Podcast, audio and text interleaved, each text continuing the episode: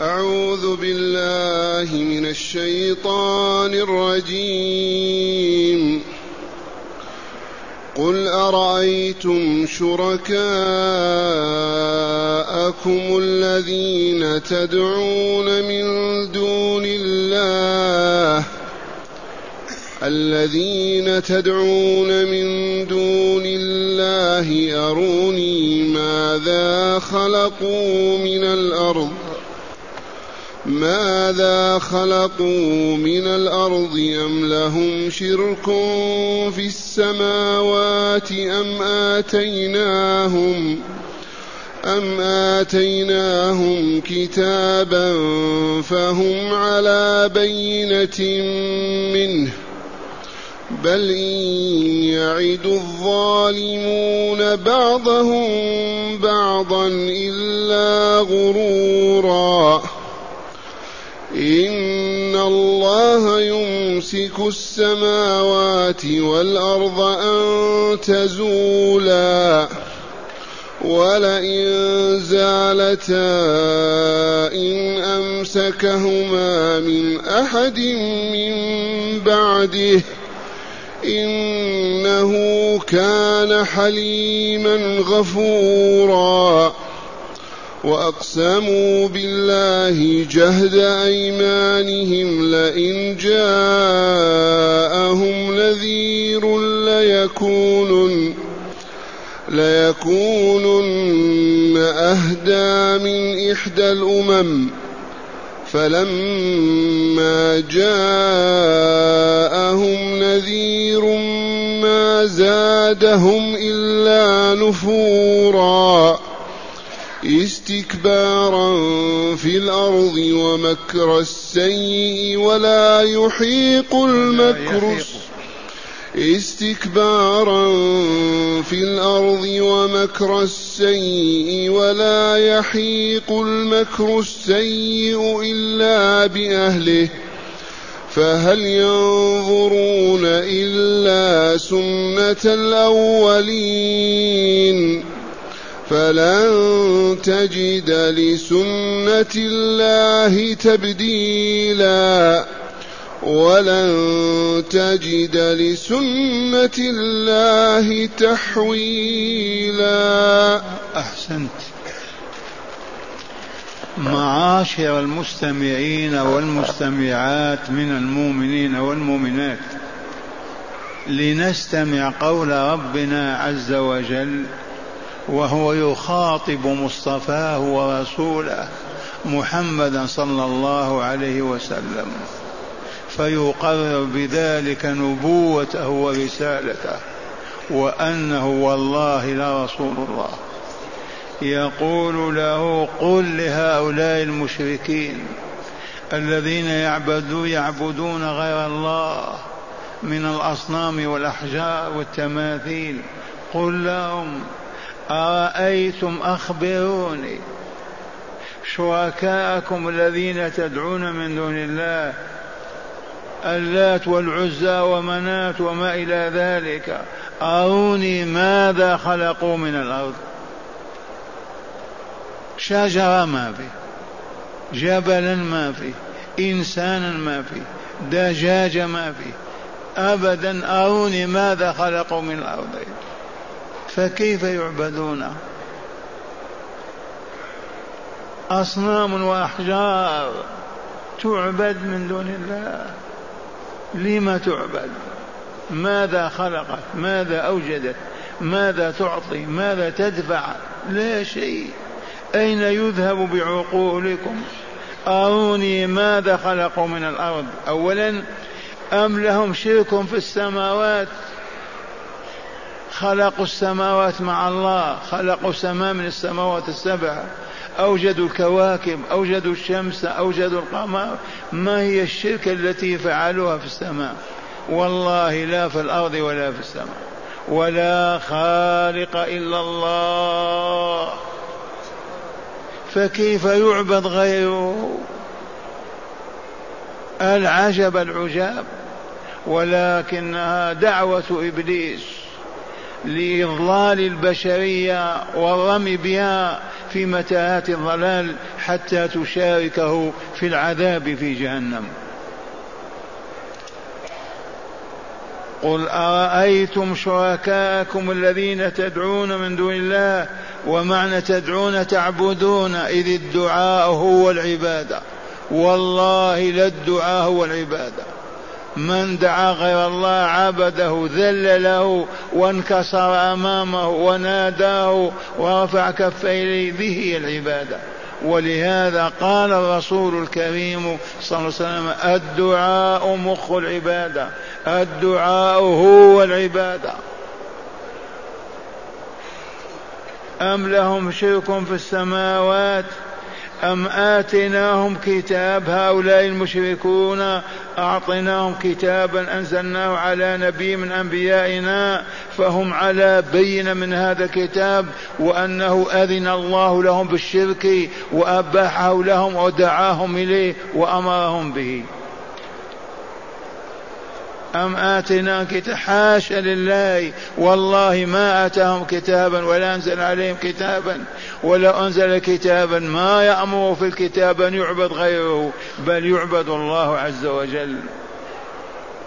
أم آتيناهم كتابا فهم على بين منه. وحجة يحتجون به على رسولنا ويقولون كان لنا كتاب وفيه الأمر بعبادة فلان وفلان وفلان. والله ما كان أبدا. بل نرجع إلى الواقع ونضرب عن الماضي.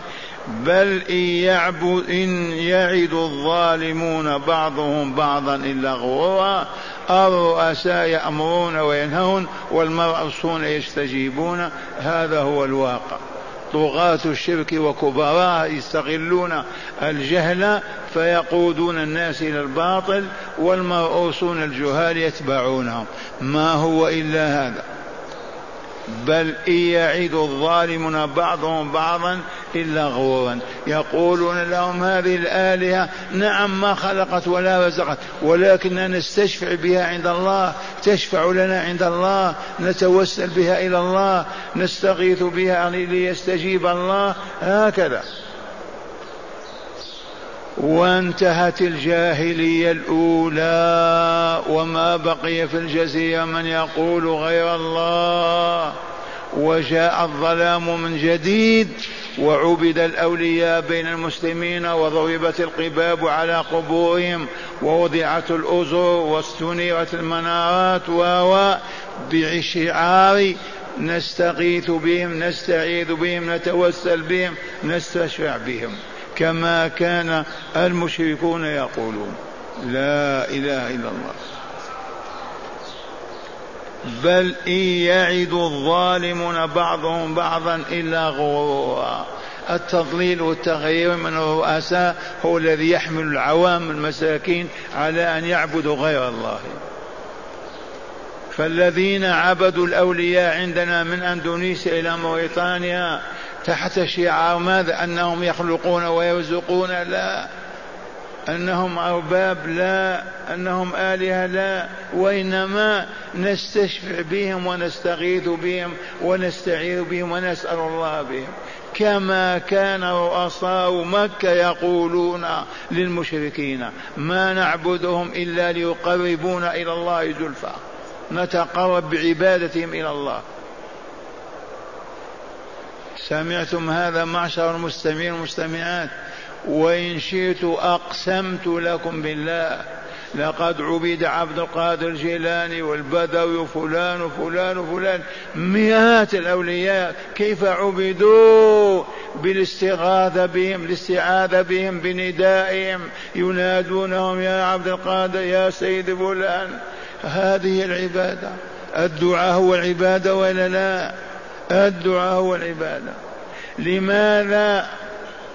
لأنهم آلهة مع الله لا. لأنهم يخلقون ويرزقون لا. وإنما نتوسل بهم إلى الله عز وجل ليستجيب لنا. أي نعبد غيره ليستجيب لنا. هذا والله من وحي الشيطان.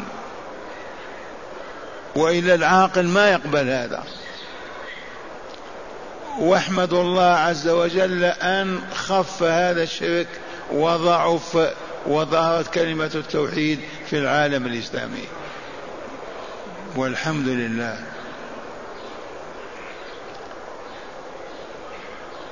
ثم قال تعالى إن الله يمسك السماوات والأرض أن تزولا. إن الله يمسك السماوات والأرض أن تزولا لولا أن الله أمسكهم والله لزالت السماء وزالت الأرض. والله لم تبقى يا يوما واحدا لكن من أمسكها الله. ولا نقول كيف. أمسكها فهي ممسوكة. لا تزول ولا تبيد ولا تتغير. أمسك الأرض فهي كذلك. أين الآلهة التي تعبد معه؟ هل تمسك معه السماء والأرض؟ هل خلقت معه بعوضة؟ خلقت كوكب في السماء؟ أين يذهب بعقول الجاهلين والمشركين؟ الذي يستحق العبادة هو الله الذي يمسك السماوات والأرض أن تزولا من مكانهما. ولئن زالت أو فرضنا أن السماء زالت من يمسكها؟ هل هناك من أحد من عباده يقدر على ذلك؟ هكذا يقول تعالى يقرر التوحيد إن الله يمسك السماوات والأرض أن تزولا أي حتى لا تزولا ولئن زالتا فرضنا زالتا.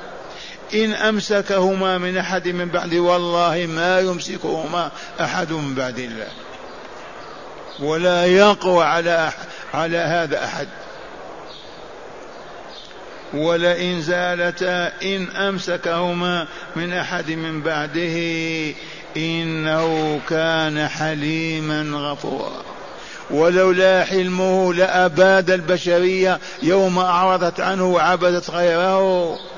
لولا حلمه لأباد الأمة أو الشعب أو الأفراد ولكنه الحليم على عباده الرئيف الرؤوف الرحيم. سبحانه ليلة الغفور باب المغفرة مفتوح. يا من عبدوا غير الله توبوا إلى الله فالله يقبل توبتكم ويغفر ذنوبكم. يا من قال أنا عبدت غير الله خمسين سنة ماذا نصنع؟ باب الله مفتوح قل له قل لا إله إلا الله واعبد الله يغفر الله لك فإنه حليم وغفور. حليم ما يواخذ بالذنب على الفور بل يؤجل ويمهل وحل وغفور يقبل توبة كل من تاب. لو قتل مئات شخص وتاب تاب الله عليه. هكذا يقول تعالى إن الله يمسك السماوات والأرض أن تزولا عن مكانهما ولئن زالتا فرضنا ما امسكهما أحد من بعده. والله لا يقدر أحد على إمساك السماء والأرض. هاي الأرض الأيام بس تخسف وتنزل استطاعوا أن يمسكوها. إنه كان حليما غفورا. ومظاهر حلمه تتجلى في أنهم يعبدون الشيطان يعبدون الهوى يعبدون الأحجار يعبدون الخلق. والله عز وجل ما يعجل لهم العقوبة. لو شاء كل من لفت نظره عن غير الله أهلكه الله. ولكنه الحليم. الغفور الذي يقبل التوبة من أي كافر من أي مشرك.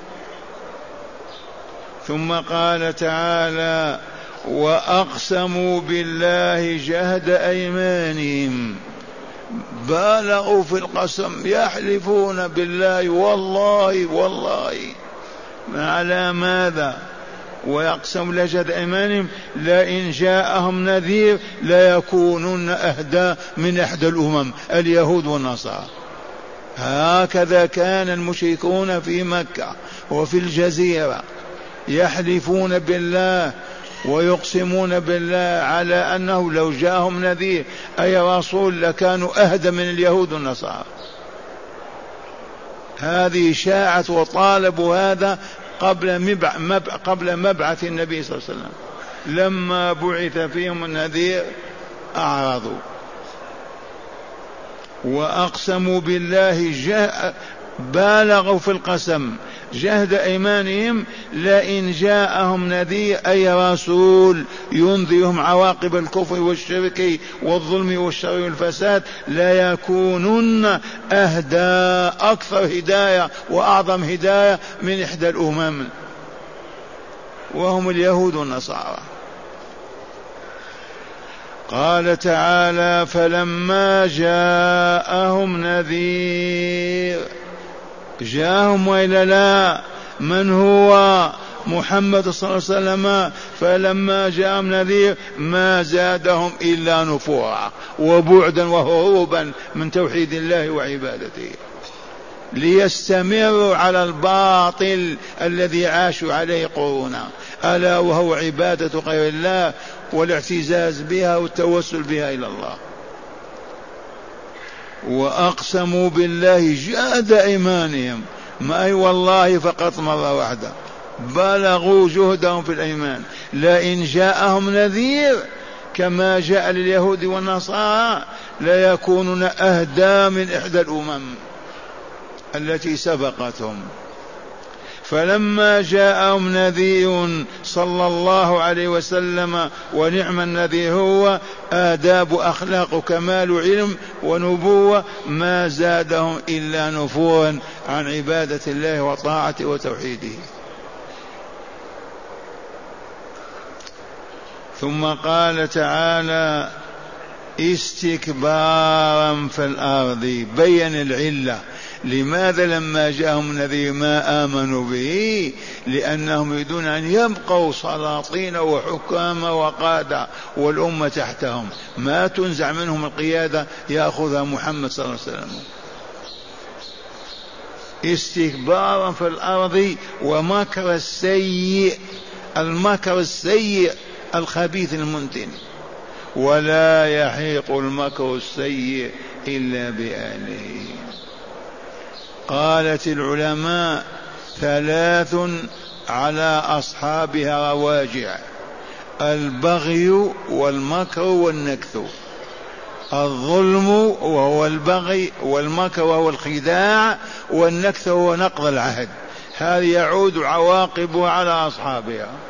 ولا يحيق المكر السيء إلا بأهله. ومن نكث فإنما ينكث على نفسه. استكبارا في الأرض ومكر السيء المكر هو الخداع. والخداع الشر ما كان. ولا يحيق المكر أي لا يحيط ولا ينال المكر السيء إلا بأهله فقط.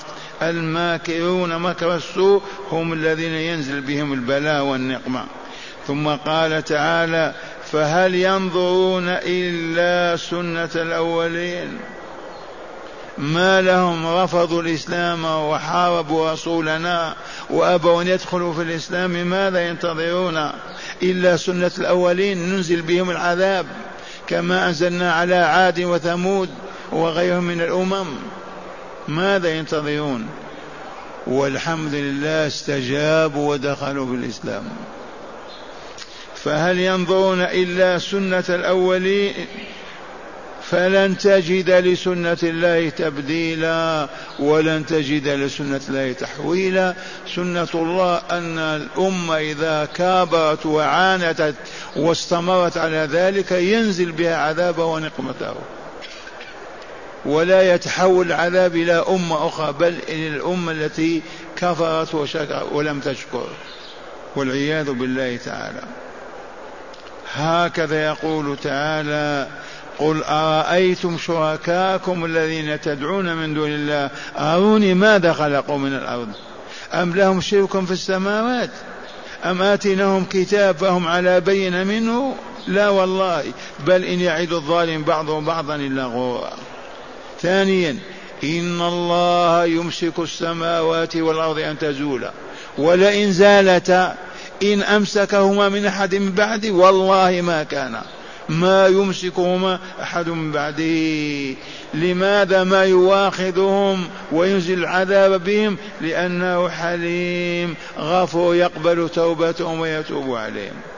وأقسموا بالله من هؤلاء مشرك العرب لئن جاءهم نذير وأقسموا بالله جهد أيمانهم لئن جاءهم نذير ليكونن أهدى من إحدى الأمم. ولما جاءهم نذير كفروا ورفضوا في أول أمرهم. فلما جاءهم نذير ما زادهم إلا نفورا وبعدا عن الحق. استكبارا في الأرض هذه هي العلة. ولا ومكر السيء ولا يحق المكر السيء إلا بأهله. ثم قال تعالى فهل ينظرون إلا سنة الأولين؟ ما هي سنة الله في الأولين؟ إبادتهم. نهائيا كما أباد عاد وثمود. ولن تجد لسنة الله تبديلا ولن تجد لسنة تحويلا لأنه قوي قادر ينفذ ما أراد وينجزه. وصلى الله على نبينا محمد وسلم مع هداية الآيات. بسم الله والحمد لله. والصلاة والسلام على خير خلق الله سيدنا ونبينا محمد وعلى آله وصحبه. من هداية هذه الآيات أولا تقرير التوحيد وإبطال الشرك وإبطال الشرك والتنديد. هذه الآيات هدايتها تقرير التوحيد وإبطال الشرك. والله العظيم هي ست آيات أو خمس آيات. كلها تقرر التوحيد وتبطل الشرك ليبقى معنى لا إله إلا الله على ما هو عليه.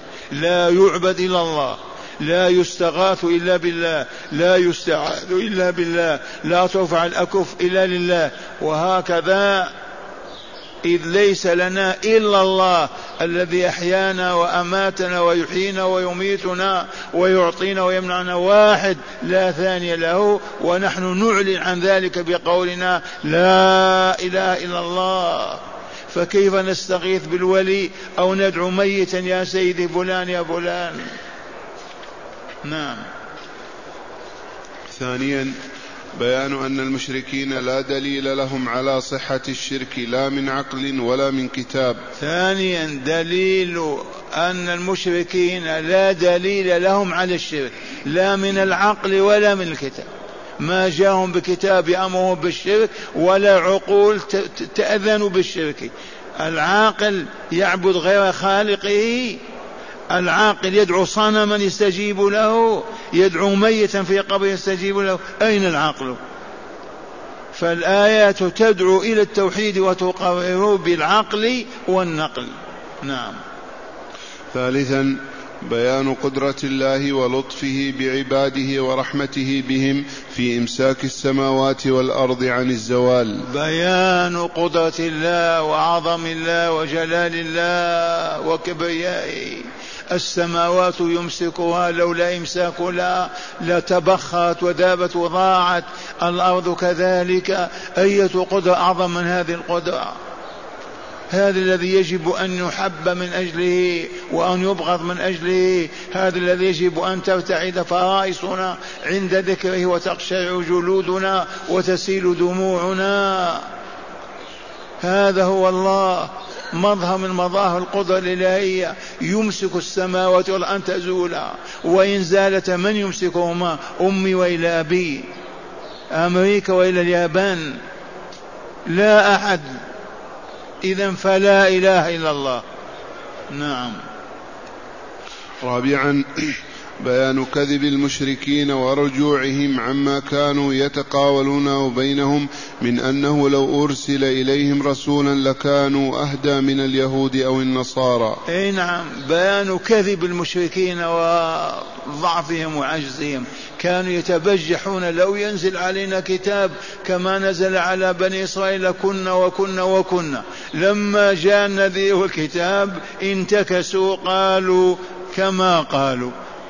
ما نعبد هؤلاء إلا ليقربونا إلى الزلفى وما نمشي وراء محمد صلى الله عليه وسلم. نعم. خامسا تقرير حقيقة وهي أن المكر المكر السيء السيء عائد على أهله لا على غيره. السيء عائد إلى أصحابه. نعم. ولا يحيق المكر السيء إلا بأهله. نعم. وفي هذا يرى أن ثلاثة على أهلها رواجع وهي ثلاثة على أهلها رواجع. راجع عليهم. ما هي؟ المكر السيء المكر السيء والبغي والنكث. والبغي والنكث. نكث العهد. الذي يكون بينك وبين العهد ثم ينكث العاقبة تعود عليه هو بالخسران نعم. في قوله تعالى إنما بغيكم على أنفسكم وقوله ومن نكث فإنما ينكث على نفسه وقوله ولا يحيق المكر السيء إلا بأهله. وصدق الله العظيم. أين نحن من هذا الكتاب القرآن العظيم؟ نقرأ على الموت يا عباد الله. ما يجتمع عليه المسلمون في بيت ولا في مسجد؟ كيف يعلمون؟ كيف يعرفون؟ قال الشيخ في النهر غفر الله لنا وله ولوالدينا أجمعين. روي أن كعبا قال لابن عباس إني أجد في التوراة من حفر حفرة لأخيه وقع فيها. فقال ابن عباس فإني وجدت في القرآن ذلك. قال وأين؟ قال اقرأ ولا يحيق المكر السيء إلا بأهله. ومن أمثال العرب من حفر حفرة من حفر لأخيه جبا وقع, فيه منكبا. آه أحسنت. الآن نسمع الآيات مجودة ونتأمل ما سمعناه. أعوذ بالله من الشيطان الرجيم. قل أرأيتم شركاءكم الذين تدعون من دون الله أروني أروني ماذا خلقوا من الأرض أم لهم شرك في السماوات أم آتيناهم ۖ أم آتيناهم كتابا فهم على بينة منه بل إن يعد الظالمون بعضهم بعضا إلا غرورا إن الله يمسك السماوات والأرض أن تزولا ولئن زالتا إن أمسكهما من أحد من بعده إنه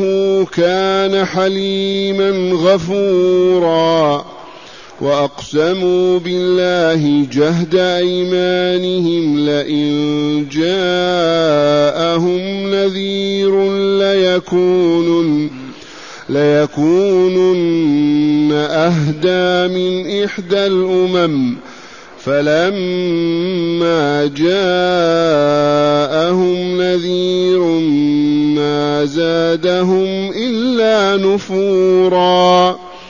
استكبارا في الأرض ومكر السيء ولا يحيق المكر السيء إلا بأهله. فهل ينظرون إلا سنة الأولين فلن تجد لسنة الله تبديلا ولن تجد لسنة الله تحويلا. أحسنت.